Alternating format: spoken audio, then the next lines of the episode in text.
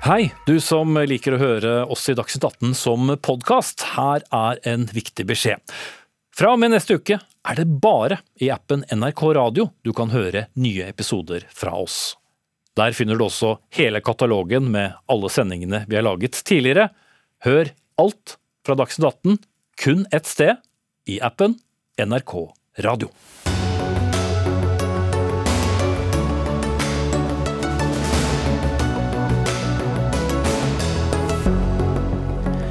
Aktivistene avsluttet Steng staten-aksjonen i dag. Sameleder takker for oppmerksomheten, men stiller med vrengt kofte i Dagsnytt 18. Equinor får kritikk for å grønnvaske seg i video, misvisende reklame. 99,87% av milliardene kommer fra olje og gass, hevder Greenpeace. Regjeringen vil endre valgloven slik at tidligere kommuner kan løsrive seg fra Kristiansand. Lokalpolitikerne overkjøres, mener Ap-ordføreren. Tunisia vil ikke gi LO-representanter innreise til landet. Hva skjer i den arabiske vårens fødeland?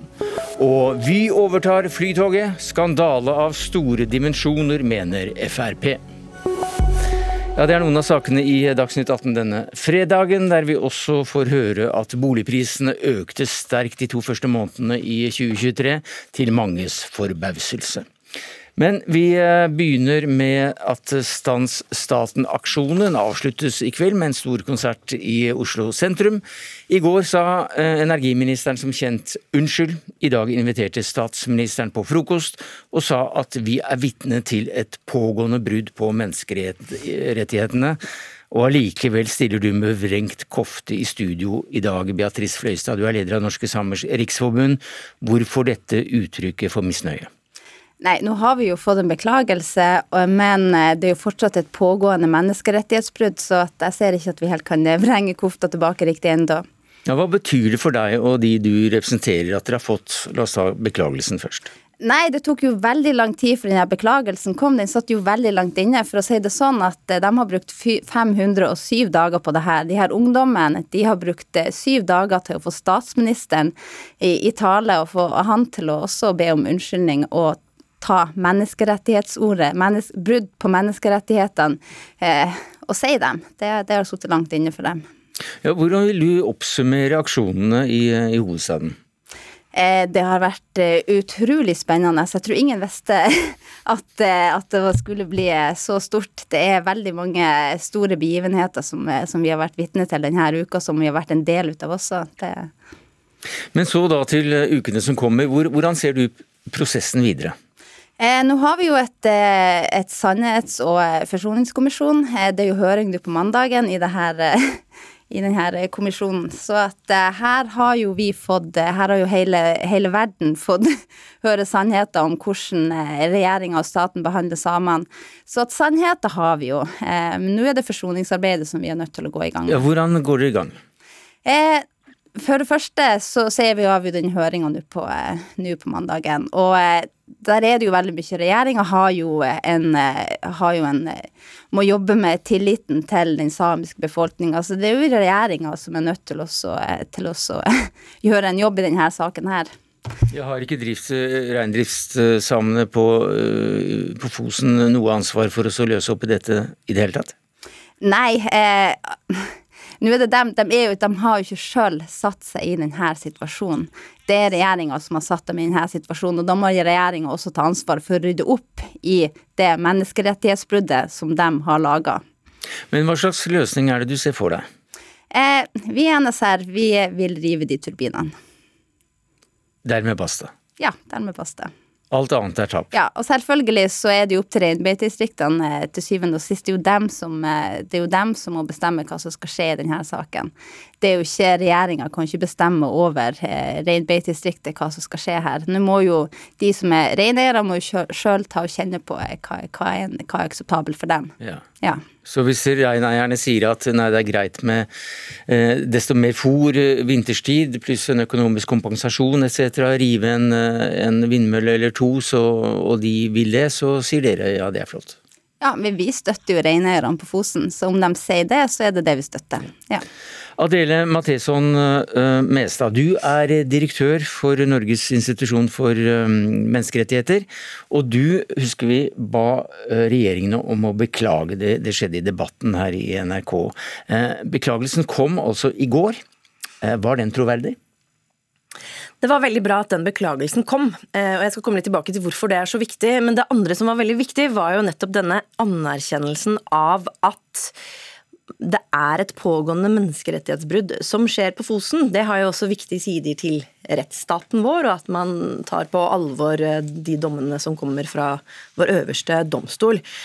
Og det har vi jo diskutert en god stund, det spørsmålet der eh, hos NIM, hvor jeg er direktør, eh, har vi hatt en rekke utvekslinger om nettopp det spørsmålet med, med, departementet. Og Grunnen til at vi har vært opptatt av det, det er ikke et retorisk poeng, det er et rettslig poeng. Fordi når det er et pågående menneskerettighetsbrudd, så utløser det en plikt fra myndighetenes side til å reparere det menneskerettighetsbruddet. Eh, tilbakeføre til en menneskerettslig lovlig tilstand.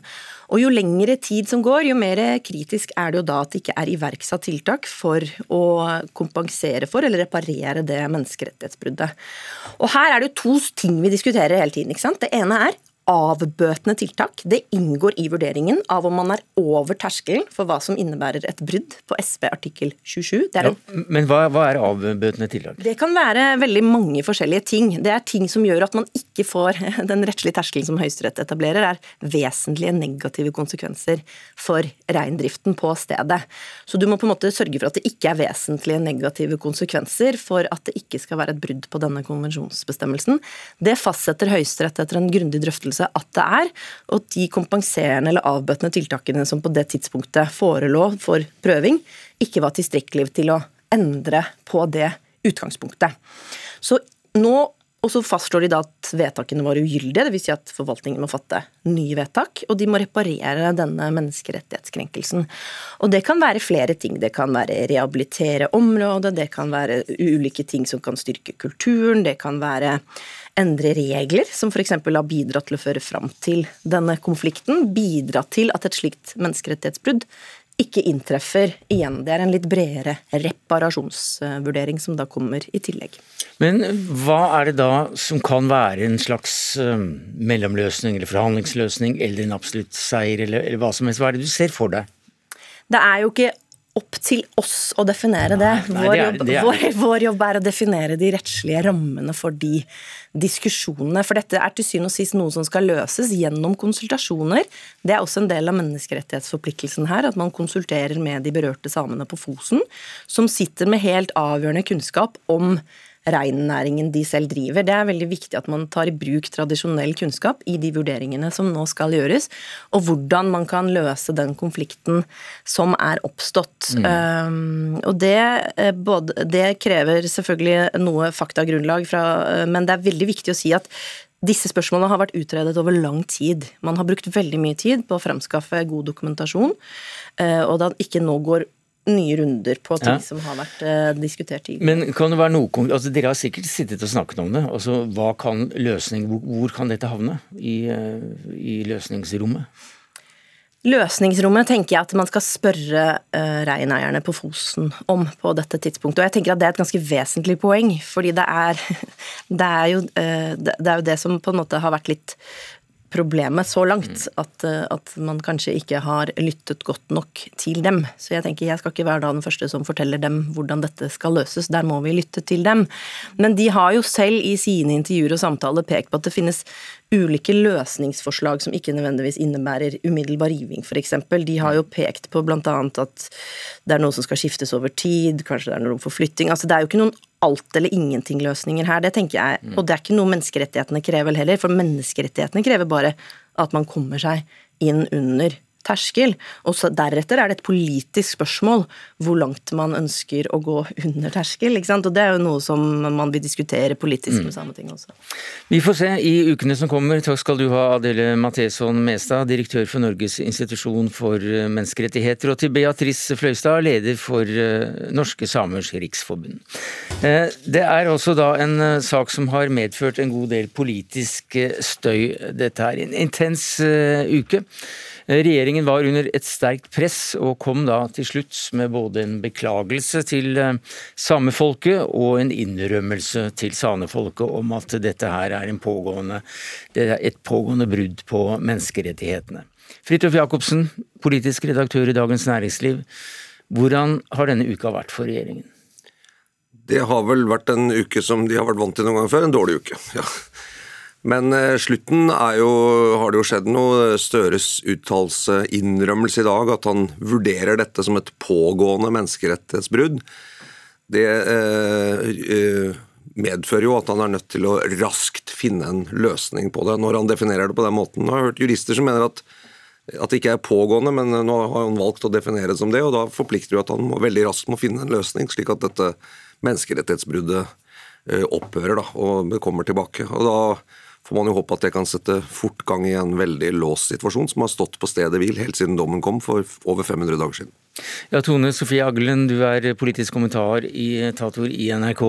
Eh, hva kunne denne regjeringen ha gjort annerledes? Ja, jeg tror alle skjønner at uh, etter ett og et halvt år hvor regjeringa har fått kjeft hver eneste dag for høye strømpriser, og at man ikke har gjort nok for å bygge ut uh, ny energi, så var dette en fryktelig vanskelig sak, og sikkert også overraskende å få i fanget. Men jeg tenker at det er kanskje to ting som utmerker seg. Det ene er jo hvor lang tid det har tatt både å behandle denne dommen, men også den uka hvor vi har sett at denne beklagelsen har sittet veldig langt inne, og det er litt sånn inntrykk at man har slept litt eh, beina etter seg. Det andre handler om å kommunisere tydeligere hvorfor denne saken er så vanskelig, kompleksiteten i det. Og det er vel to områder ved det regjeringa har gjort eller ikke gjort, som, som, er litt rart, og som kanskje kunne fått de til å se litt mer handlekraftig ut. Ja, direkte handlekraftig har jo ikke regjeringen vært. Nei, og det er jo som eh, Mestad også sa her i stad, så er det klart saken må jo finne en løsning. Og det gjelder jo å ha en form for dialog med de berørte, nemlig disse seks reindriftsfamiliene for å finne en eller annen form for løsning som de kan godta. De sitter jo nå med alle kortene på hånden, da, så lenge den dommen er her. De løsningene som ble foreslått, har Høyesterett sagt de er ikke gode nok. Eh, og de har vel ikke, så vidt jeg kjenner til, uttrykt noe vilje om å prøve å lete veldig mye etter nye løsninger eller nye tiltak enn så lenge. Men så, så de, de, må altså imøtekommes på en måte. Og så får man jo, for regjeringen håpe at ikke det medfører at man må eh, ta ned og demontere store deler av dette kostbare anlegget. Det, det tror jeg de sliter med. Men må de det, så, så, tror jeg ikke de har noe valg. Og det andre som jeg syns har vært rart i denne saken, er at en regjering med, med Støre og sånn i spissen også har liksom klart å så litt tvil om hvorvidt man automatisk retter seg etter en menneskerettsdom i Høyesterett, eller begynner å si ja, men det er noen forskjellige sider av saken osv. Altså, I et man sier liksom, går på det demokratiske her og rettsstatsprinsippet, at Høyesterett nettopp skal verne enkeltpersoner eller grupper mot maktmisbruk. Altså, det er en veldig grunnleggende del av demokratiet vårt. Så er det litt rart med en regjering som, som på 500 dager ser ut som de har litt vondt for å rette seg etter det. Det tar seg ikke så veldig godt ut uh, for i, i, et land som Norge at regjeringen tilsynelatende i hvert fall virker som om de tar en høyesterettsdom litt som en, som en henstilling, og ikke som det det er, nemlig en veldig viktig avgjørelse om hvor grensene for statens da, maktutøvelse og konsesjon og sånn mot en gruppe går. Enten det er noen som eier en relativt beskjeden regnflokk, eller som har vært tidligere, søkkrike skipsredere som fikk omgjort et skattevedtak for en del år siden i en lignende høyesterettssak som gikk i statens disfavør. Men her har vi da altså et pågående menneskerettighetsbrudd. Regjeringen får sterk kritikk. Eh, men det er jo flere å skylde på her, da? Ja da, det er en uh, lang forhistorie her. Uh, For eksempel jo, stortingspartier? Ja da, det, lenge var jo dette her noe det var tverrpolitisk, ikke bare enighet om, men stor entusiasme for å bygge denne eh, vindparken. Det var kraftunderskudd i Midt-Norge. Vi husker at SV, som i dag er veldig kritiske, de kjefta jo på Statkraft for at de ikke bygde denne, eller fikk opp vindmøllene raskt nok. Så det er en del av eh, forhistorien som nok gjør at dette ser litt sånn eh, komplekst ut i dag. Så tror jeg liksom det med å finne en løsning nå Eh, blir nok heller ikke enklere av at eh, denne konkrete saken, disse reindriftsfamiliene, sin situasjon har jo også blitt et symbol på mange hundre års eh, undertrykkelse for samesaken. Og det tror jeg nok kan gjøre det mer komplisert å, å finne en løsning enn at man blir enig i denne saken. Og, her mener jeg altså Regjeringen må ha et litt særskilt ansvar, fordi man ser jo denne uken en debatt som kommer opp og sier skal det virkelig være slik at uh, 1000 reinsdyr, altså en liten reinflokk med en vel beskjeden lønnsomhet på noen hundre tusen i året, skal kunne velte et stort kraftverk som forsyner liksom, Trondheims strømforbruk et år, som har kostet mange milliarder å lage. Er det noe rimelighet liksom, at en hensyn til denne lille gruppen skal gå foran liksom, hensynet til storsamfunnet? Eh, og det er jo, men det er jo liksom huske at når Høyesterett og menneskerettighetene er nettopp i sånne saker skjeler på en måte ikke til dimensjonene, sier ja, sånn er det. Og hvis denne debatten da videre kan hende dit at man får et slags bilde av at eh, samer i Norge og deres reindrift er det som bremsekloss for all nødvendig utvikling. Vi har sett litt av det oppe i Finnmark. og sier ja, hvordan skal vi nå få tak i strøm? Det er altså Beitene står i veien for alt. Vi kan ikke bygge noe sted osv. Da kan vi egentlig få en veldig spent situasjon mellom den samiske befolkningen og i hvert fall deler av storsamfunnet. Eh, som vil være veldig skadelig, ikke minst fordi man hadde det lenge, og denne kommisjonen som ble nevnt går jo inn i det, fornorskningspolitikk osv. Og dette tror jeg heller ikke regjeringen har liksom bidratt nok til å prøve å roe gemyttene og, og, si veldig klart for at en høyesterettsdom som handler om menneskerettigheter for en urbefolkning, den behøver vi liksom ikke å sette opp mot samfunnsinteresser. Den er liksom definitiv og absolutt. Jeg syns de ikke har vært så veldig sterke på det. og det, Da kan de jo være med å lage en polarisert debatt da, hvor vi underminerer vår egen respekt for menneskerettighetene, som dette tross alt er. Vi kan være enige eller uenige, men det er menneskerettigheter. Og da er det alvor. Ja, det er jo det, og Fridtjof Jacobsen eh, berører jo også noe av det som er komplisert også med, med, med den presedensen den saken kan skape. Eh, I Nord-Norge så er det jo mange nå som er veldig bekymra for eh, hva som kan bli konsekvensen hvis man må rive disse vindmøllene, for det er et område hvor man mangler både kraft, man mangler næringsliv, og frykter at det kan bli mye vanskeligere å etablere det i framtida. Og så er det også en bekymring for at disse gryende konfliktene mellom lokalbefolkning, samer samer og andre interesser kan blomstre opp i mange lokalsamfunn i kjølvannet av dette her. Men, men da er det verdt å bare huske på at den dommen er veldig konkret. Den handler akkurat om denne saken, akkurat om disse landområdene. og Hvis man leser den, så så sier ikke den at ethvert reinbeite på en måte må være åpent i evig tid, eller så nekter man kulturutøvelse. I, I, andre reinflokker, større reinflokker, andre områder, så kan det godt hende at man finner tiltak som er gode nok. Det det er bare så man ikke skaper et bilde at denne dommen er et sånn vannskille for alt av reinbeite i Norge, som, som jeg har lest det, så er, utgjør 40% av Norges areal, og det, da, da ville det jo blitt vanskelig. Men, men slik er det ikke, og det er heller ikke sånn at regjeringen eller utbyggerne handlet i vond tro da de bygde dette, for de hadde all mulig grunn til å tro at dette skulle gå greit, helt til Høyesterett satt ned. De vant to rettsinstanser. De hadde lov til å bygge mens konsesjonen var under rettsbehandling. Så, så, så, det gale oppstår først når Høyesterett har kommet med sin konklusjon. Og gjentar det også, det var vel nærmest et enstemmig storting som ikke bare eh, ga sin godkjenning, men også maste på at disse vindmøllene ja, de skulle opp.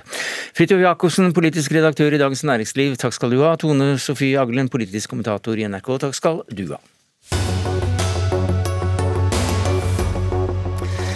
Ja, det blir altså da Vy som overtar Flytoget. Det bestemte Jernbanedirektoratet i dag, med regjeringens velsignelse. Og dermed kan det best likte tilbudet i norsk reiseliv bli borte om fem år. Det frykter i alle fall Flytoget selv. Eh, Bård Hoksrud, du er parlamentarisk nestleder i eh, Fremskrittspartiet. Eh, hvordan vurderer du Jernbanedirektoratets beslutning i dag? Jeg mener det er en skandale av store dimensjoner. og Her er det tydeligvis sånn at LO-lederen og LO har full kontroll på regjeringa. Og når LO sier at man skal hoppe, så hopper regjeringa. Dette her går utover brukerne, man bryr seg ikke om brukerne. Vi ser en regjering som er mer opptatt av ideologi enn faktisk å gi best mulig tilbud til alle de passasjerene som hvert år reiser 80 millioner, eh, millioner ganger på Østlandet. Flytoget er altså det, den merkevaren som ligger blant de aller beste i hele Norge av samtlige norske selskaper, som har blitt målt i mm. mange år. Og så har vi altså Vy, som nå skal få lov å overta dette, som ikke er der. Og Flytoget har levert et anbud som er bedre på den ene pakka. Det skulle vært to pakker hvor man skulle levere anbud på hver sin pakke, altså på begge pakkene. Men eh, så har plutselig Vy fått lov å levere inn et anbud på hele pakka. Eh, og plutselig så er det det eh, regjeringa velger. Mm. Dette virker veldig uryddig. Vi skal komme tilbake til det, men du nevnte LO. Hvorfor drar du inn LO her? Jo, fordi at eh, dette har vært et krav fra Peggy og LO-lederen. Og det er ganske provoserende at man da ikke tillater at det ene selskapet får lov å gjøre det samme som eh, Vy får lov til å gjøre. Flytoget har altså ikke fått den samme muligheten. Det er uryddig, og det er spesielt. Og det er jo dette LO med lederen i LO, Peggy, har ønska. Og jeg syns det er rimelig provoserende at en regjering lar seg mm. altså styre av eh, LO. Hva sier du til dette, Jon Ivar Nygaard, du er samferdselsminister for, eh, fra Arbeiderpartiet. Det er altså en skandale av store dimensjoner? Ja, nå er jo Bård Hoksrud en mann som liker å bruke store ord, men eh, jeg tror han må sette seg litt bedre inn i hva dette handler om. Vi avlyste konkurransene på norsk jernbane som eh, den foregående regjeringen hadde lagt til rette for for snart et år siden og gikk da over til direktetildeling. Og satte da tydelige krav om eh, å få økt kapasitet, altså bedre togtilbud til passasjerene på Østlandet. At vi skulle få til dette for en god pris for staten. Og Dette mandatet har da Jernbanedirektoratet jobbet med, eh, og de har da kommet tilbake med en faglig konklusjon på at det beste nå er å tildele dette til Vy. Og Da får vi altså en økonomisk gevinst knytta til det, som eh, er sånn at vi kan regne med ca. en milliard kroner i året. Dette er behefta stor usikkerhet med. Men eh, jeg må jo mm. som samferdselsminister være opptatt av at vi skal få til en god pris for staten, sånn at vi bruker fellesskapets ressurser på best mulig måte. Og det trodde jeg også Bård Hoksrud var interessert i. Ja, Det er Bård Hoksrud veldig interessert i, men de vet jo ikke om man kunne fått et enda bedre tilbud til en enda lavere pris. Og Det så vi den gangen Gjøvikbanen ble konkurranseutsatt. Da fikk man 40% mer reiser for de samme pengene.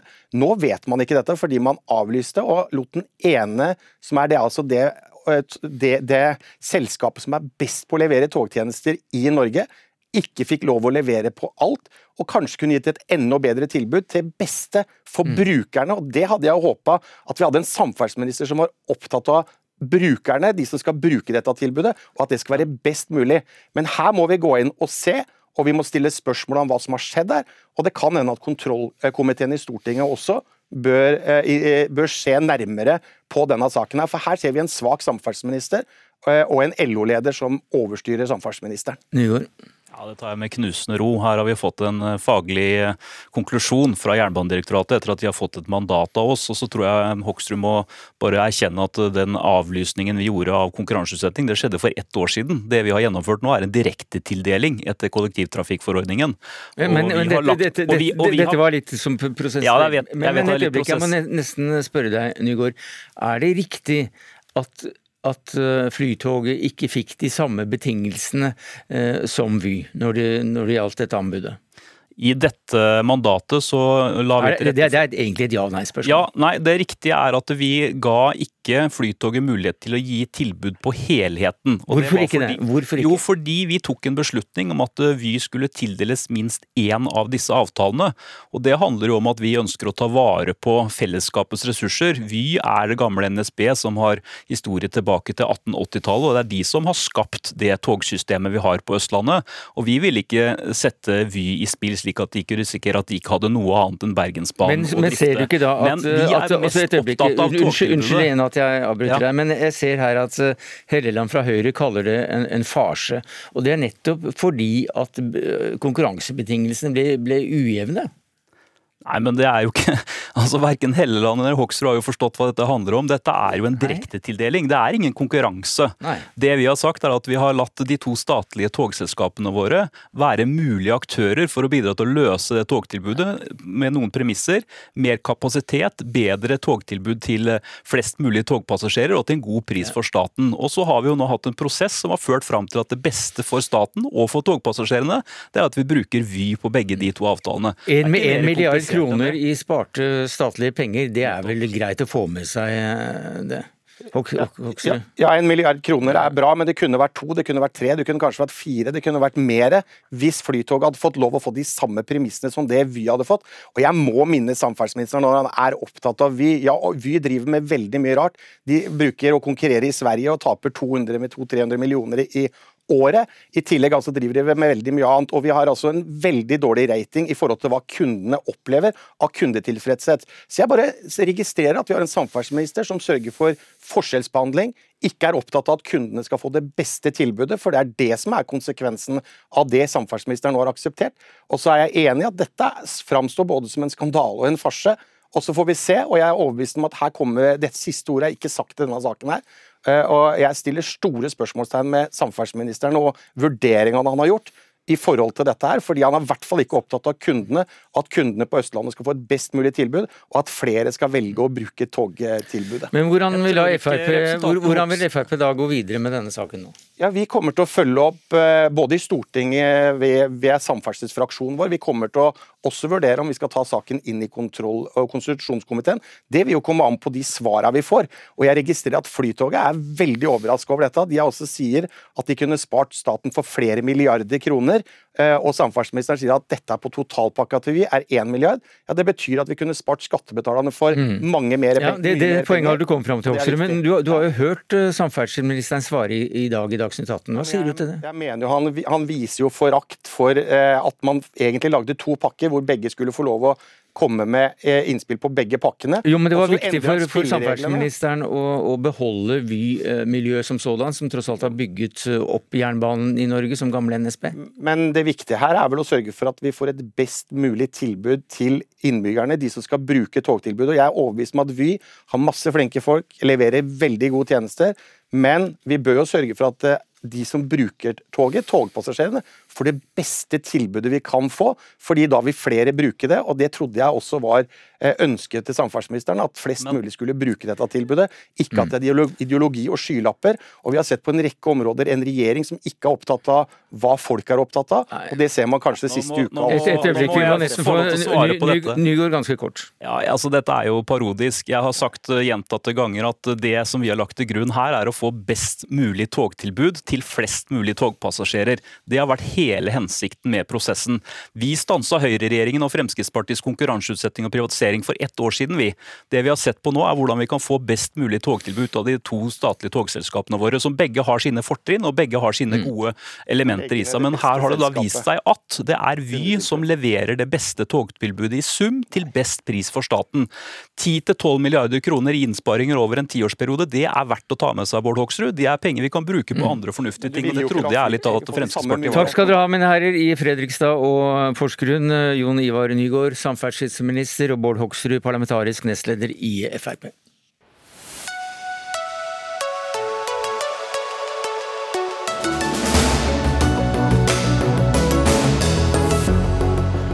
Ja, I dag så ble det klart at regjeringen vil endre valgloven, slik at en folkeavstemning i f.eks. Søgne og Sogndalen kan gjøre at f.eks. Søgne og Sogndalen går ut av f.eks. Kristiansand kommune. Eksempelet er ikke tatt helt ut av det blå, Jan Oddvar Skisland, du er ordfører i Kristiansand. Hva har du å si til kommunalministerens nye lovforslag? Jeg syns ikke det er noe eh, godt forslag. Jeg tenker det er uklokt å begynne å klusse med den eh, modellen vi har i det norske demokratiet, og at eh, kommunestyrene er i utgangspunktet suverene på eh, de avgjørelsene som eh, gjøres lokalt. Eh, Og Det å begynne å overkjøre kommunestyrene syns jeg er en dårlig idé. Er det det dere gjør? Altså overkjører eh, kommunestyrene? Sigbjørn Gjelsvik, du er eh, minister for dette. Altså det som Regjeringen er opptatt av, er jo at vi lytter lytte til folk. og Vi har jo sagt over tid at vi er opptatt av at folk i Søgne og Sogndalen skal bli hørt. De Eh, har jo eh, vært del av en eh, tvangssammenslåing som ligger til grunnlag for den nye Kristiansand kommune. og så har det vært et stort engasjement over tid. Det har blitt fremmet innbyggerinitiativ. Vi har igangsatt en utredning, og som en del av den utredningsprosessen så mener vi at det er klokt og riktig å, å høre folket, sånn at de skal få si sin mening.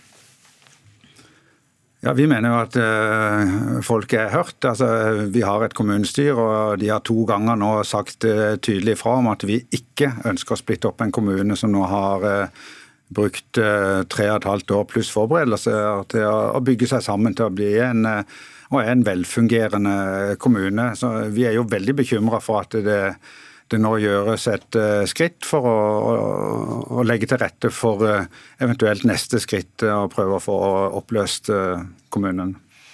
Men eh, det tenker jeg at her, eh, her, må vi ha tillit til eh, folket lokalt. Altså, vi har jo fremmet i dag et, som det blir sagt, ikke endring i valglova, men i inndelingslova, om å, å gi regjeringa en mulighet til å, å, høre innbyggerne i en sak der en har en utredningsprosess på gang. Og Da er jo det innbyggerne som bor i gamle Søgne, dersom Stortinget slutter seg til, de som bor i gamle Søgne, som skal ta stilling til om de mener at Søgne skal bli egen kommune igjen, eller eh, forbli en del av Kristiansand. Tilsvarende for Sogndalen. Og Da vil jo de innbyggerne som kjenner de lokale forholdene i sitt område, både kunne eh, høre på de argument som eh, Skisland har, og de argument som andre har i saka. Og så skal en lytte til det som innbyggerne mener i saka. Men ikke til kommunestyrerepresentantene som er valgt av folket?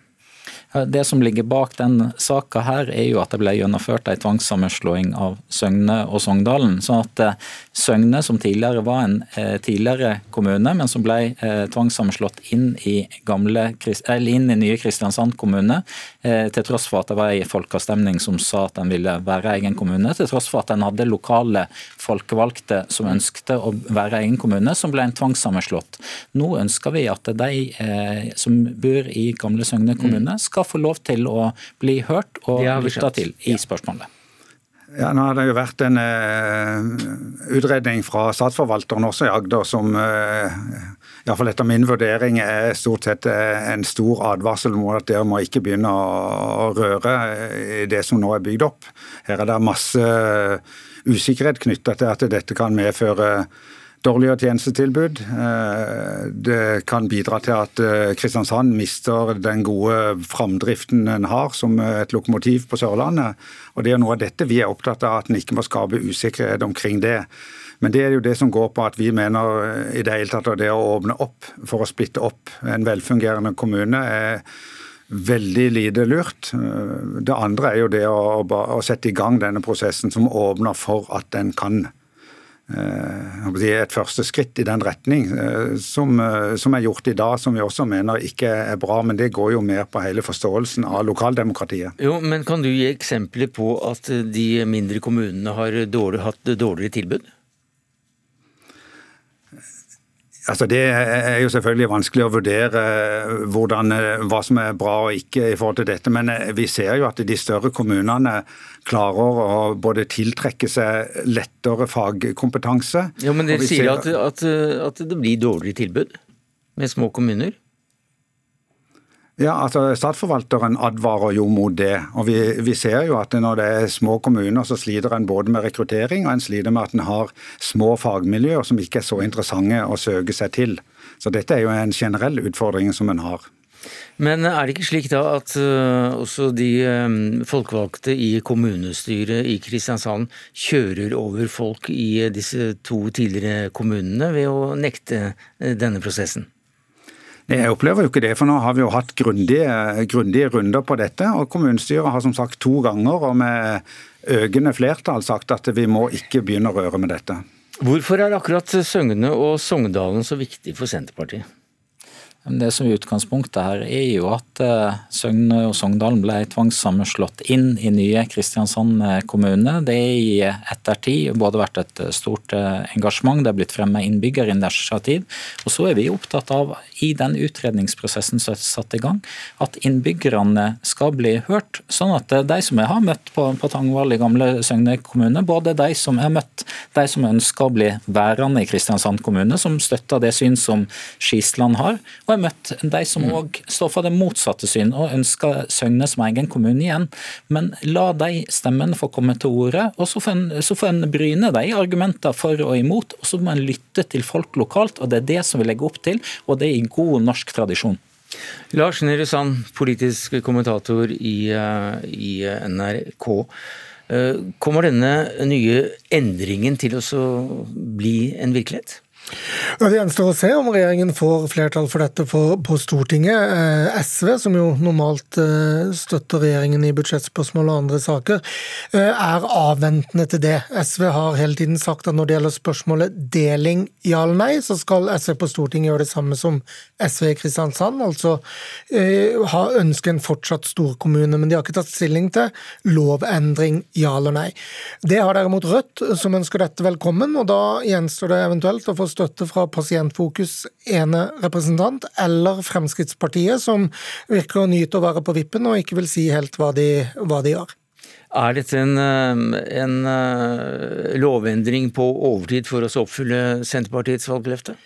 I hvert fall nok et eksempel i denne etter hvert ganske lange historien hvor forutsetningene endres litt underveis. Utgangspunktet var jo, som Kristiansand bystyre forholdt seg til, at man skulle søke eh, hvis det var flertall i bystyret. og Den avstemningen endte med at eh, man ikke ønsket å, å eh, sende en slik søknad. Eh, så kom det opp et, eh, at regjeringen ønsket å bruke akkurat denne kommunen som eksempel til å selv ta et initiativ til en deling, og ønske å ha en folkeavstemning sammen med valget nå til høsten. Så går ikke det, fordi Kristiansand kommune nekter. og Da har man enda et ess i ermet i Oslo og sier at eh, vi skal eh, endre loven og ha en folkeavstemning mye lenger frem i tid, altså januar 2024. Eh, og ikke la dette være en stor valgkampsak, for eksempel. Så det Senterpartiet ønsker, er jo å si at Søgne og Sogndalen er et offer for et flertallstyranni i Kristiansand.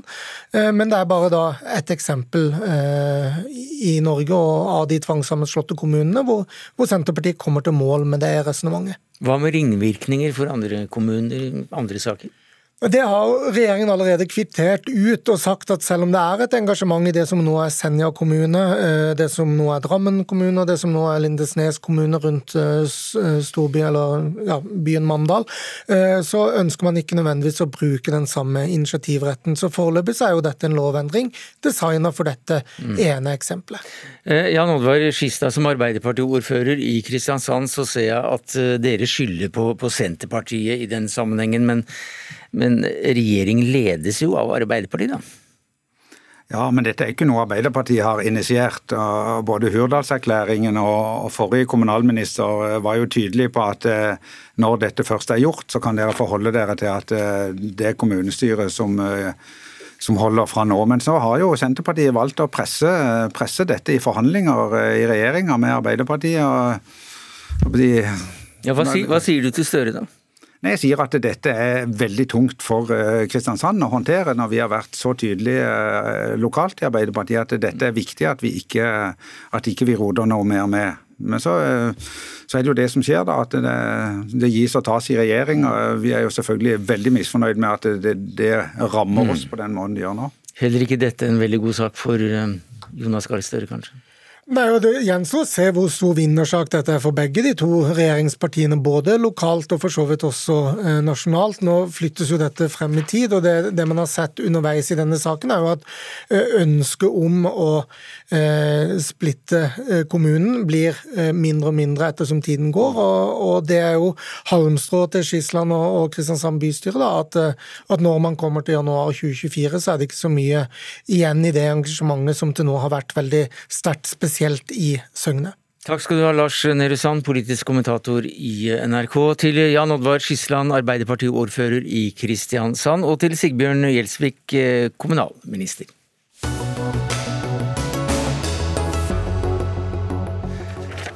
Ja, Tunisia, der våren jo kom så tidlig. Fredsprisvinnernes hjemland.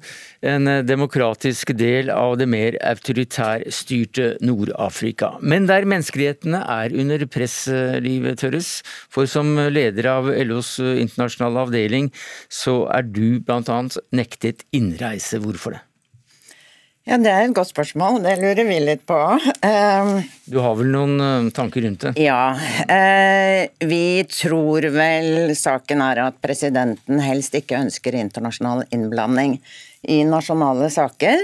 Vi hadde planlagt å reise nedover i dag. Eh, tre stykker fra LO, nestleder i LO, meg selv og nestleder på min avdeling, og skulle landet sånn omtrent nå. Fikk beskjed i går kveld om at vi ikke fikk lov til å komme inn. Og vi dro da ned, eller skulle dra ned, for å delta i demonstrasjoner som fagbevegelsen organiserer i morgen. I protest mot undertrykkelse av fagbevegelsen, autoritære tendenser, rasistiske uttalelser fra presidentens side osv. Så, videre, og så, så det er en spent situasjon.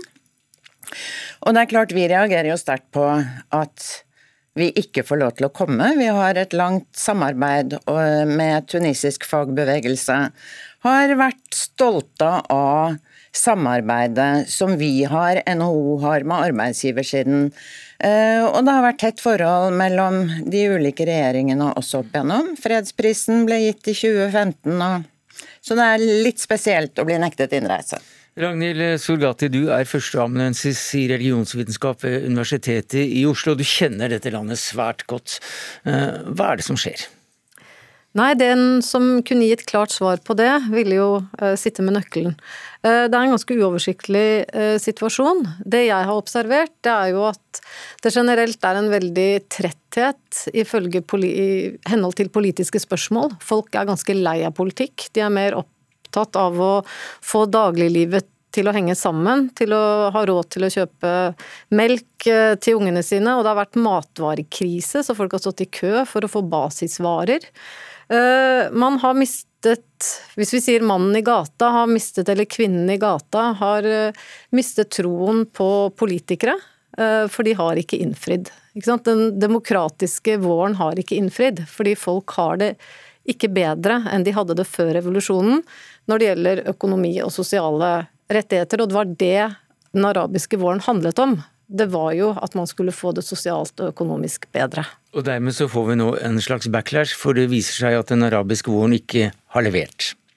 Den har ikke levert. Og da blir jo spørsmålet hvor står de ulike kreftene i det tunisiske samfunnet nå? Og hva er det eh, disse arrestasjonene betyr? Eh, hva skal vi lese ut av den situasjonen? Eh, og det er eh, spørsmål som vi som forsker på Tunisia og observerer landet, prøver å forstå. Ja, altså Jeg tror ikke det er noen tvil om at den avmakten folket i Tunisia føler og følte var det som gjorde at presidenten ble valgt inn i sin tid. Og så har det jo skjedd mye siden han kom til makten.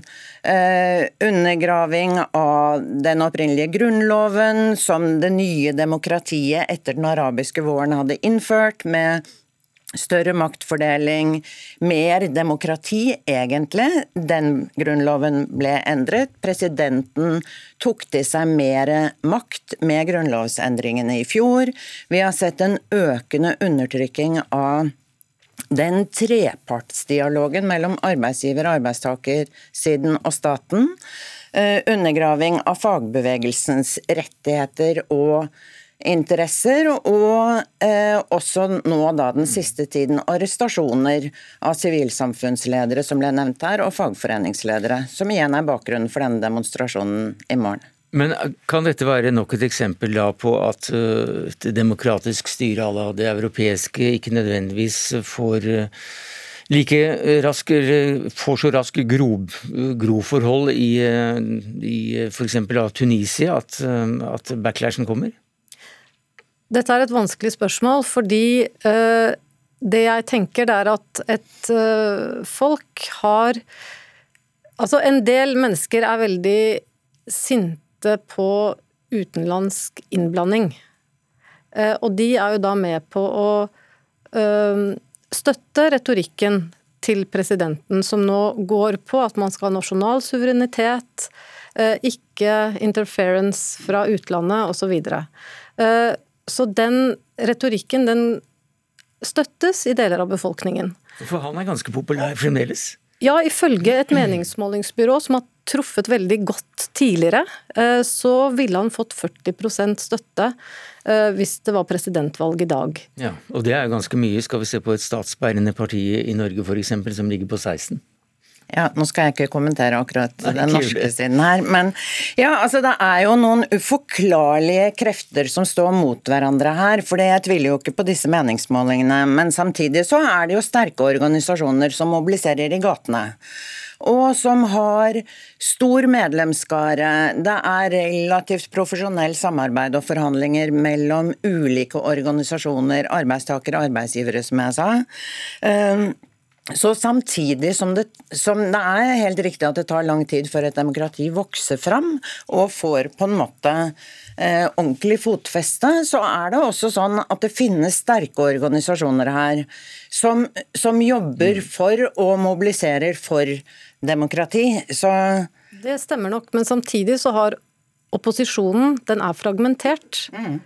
Og det er et av de eh, ankepunktene som en del mennesker har mot den utviklingen som har vært. Eh, Nei, for, for, Jeg må nesten helt, helt, kort til slutt, for vi må nesten avrunde her, dessverre. Men, men religionen, altså går man mer i en islamistisk retning ved, ved, ved denne mer eh, autoritære Nei, Nei. Det, er, det, er, motsatt. Altså I årene etter den arabiske våren så var det veldig stort fokus på religion mm.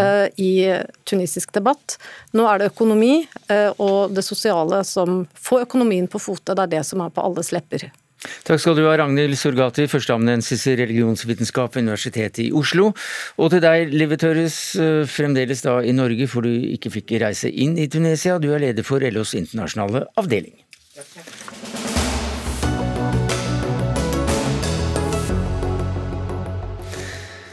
Boligprisene i Norge overrasket alle da det viste seg at både i januar og februar så har de steget kraftig, til tross for hva som egentlig var varslet. De siste to månedene har prisene steget med 4,5% Det viser i alle fall tall fra Eiendom Norge.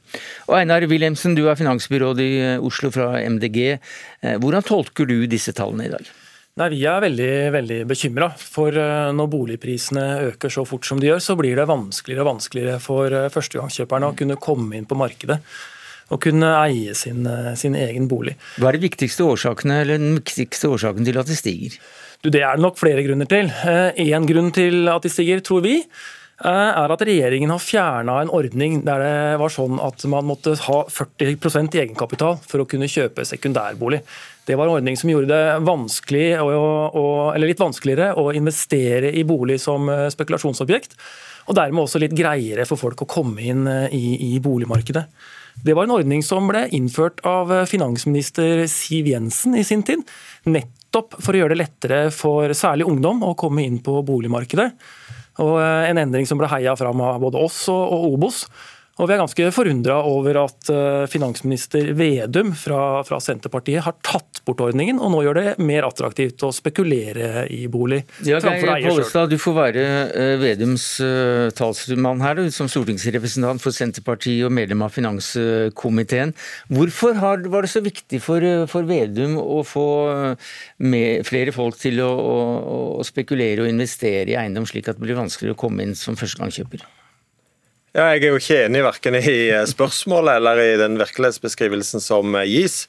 Vi frykta jo et fall i boligprisene som eh, ville ramme økonomien hardt. Så viser det seg at boligprisene overrasker positivt. Jeg vil kalle det en positiv overraskelse. At en nå klarer å gjøre det til et problem, det syns jeg er veldig veldig overraskende. For Alternativet hadde vært enormt mye dårligere for alle som har lån og som har eh, bolig. Så eh, til det som blir pekt på som grunnen. Eh, det, det, er overhodet ingen eh, sammenheng mellom de eh, tingene. Eh, for Hvis en ser på prisutviklingen, så jeg bruker begrepet sesongjusterte priser, så er dette en særregel som en har i Oslo.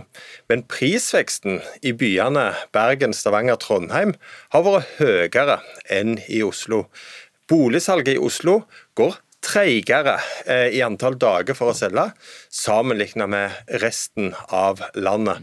Eh, så dette var en ordning som vi fjerna fordi vi ikke mente den hadde noe innvirkning på eh, markedet. Så jeg reagerer både mm. på at MDG lager det til et problem at vi får en positiv overraskelse i boligmarkedet, og at de bruker denne syltynne forklaringen mm. uten noe som helst dokumentasjon på at det er en sammenheng. I denne saken så tror jeg vi skal være på lag med førstegangskjøperne. De som strever med å komme seg inn på boligmarkedet, og som ikke har sin egen bolig. Og ikke juble over at de som allerede eier en bolig, får, eh, får, eh, kan kose seg med at den blir eh, enda litt mer verdt. Det syns jeg er eh, blir, blir, blir, helt feil. Problemet her er at det er mange som ikke kommer seg inn på boligmarkedet, og som ikke har råd til å kjøpe sin første bolig. Og Vi så at når Siv Jensen innførte denne regelen, så frigjorde den 5000 boliger i Oslo, som gikk over til å være boliger som folk kunne kjøpe. Denne reguleringen fungerte aldeles utmerket. Eh, og Når finansminister Vedum da reverserer den, og gjør det mer attraktivt å spekulere i å, leie ut bolig, Eh, så blir det vanskeligere for folk å komme seg inn på boligmarkedet. Ja, men Pollestad, eh, Det ble jo færre investor- eller investeringsleiligheter etter den endringen som eh, Siv Jensen gjennomførte? Jo, men altså, Denne ble fjerna fordi vi mente den ikke hadde noe effekt. og Det er fortsatt sånn at på sekundærboliger så har du ikke lov å ta opp mer enn fem ganger inntekta di i, eh, i lån. Sånn at det er en begrensning eh, fortsatt. Eh, men jeg tror det grunnleggende problemet her til, i, i, retorikken som blir brukt, er at eh, den er relativt altså Hvis du ser på den sesongjusterte prisstigningen, så er den på 0,3% eh, Boligprisene nå er omtrent på nivå med i fjor.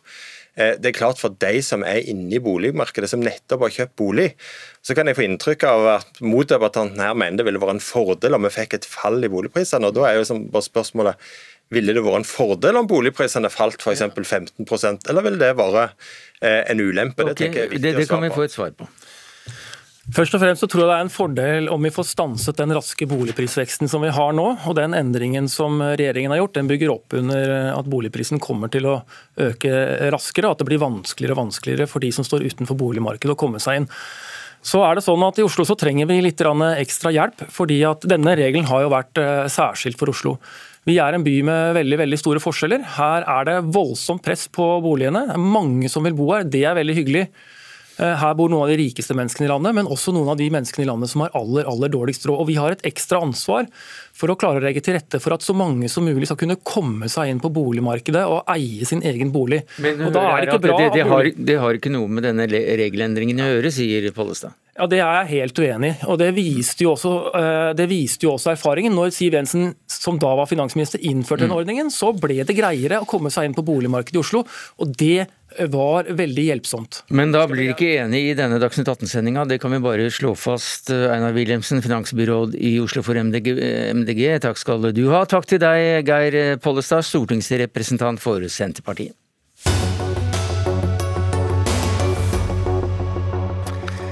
Ja, Equinor får eh, karakteren eh, stryk av Greenpeace etter en lengre kampanje med videoer som forteller om et selskap i stor endring fra fossil energi til fornybar. Og Der skulle ha kommet en liten videosnutt fra, den, fra denne kampanjen, men uh, den har vi ikke. Så da går vi da videre. For den organisasjonen, altså Greenpeace, som har reagert på det, det, det har de gjort ved å lese resultatet fra fjerde kvartal. For da fant dere ut at 0,13% av energien som produseres, er fornyet, altså 0,13 eh, Frode Pløym, du er leder av Greenpeace eh, Norge. I Aftenposten så skriver du at Equinor strøk på den første testen. Hva var den? Ja, altså 0,13% fornybar produksjon er veldig lite. Det betyr at 99,87% er eh, fossilt.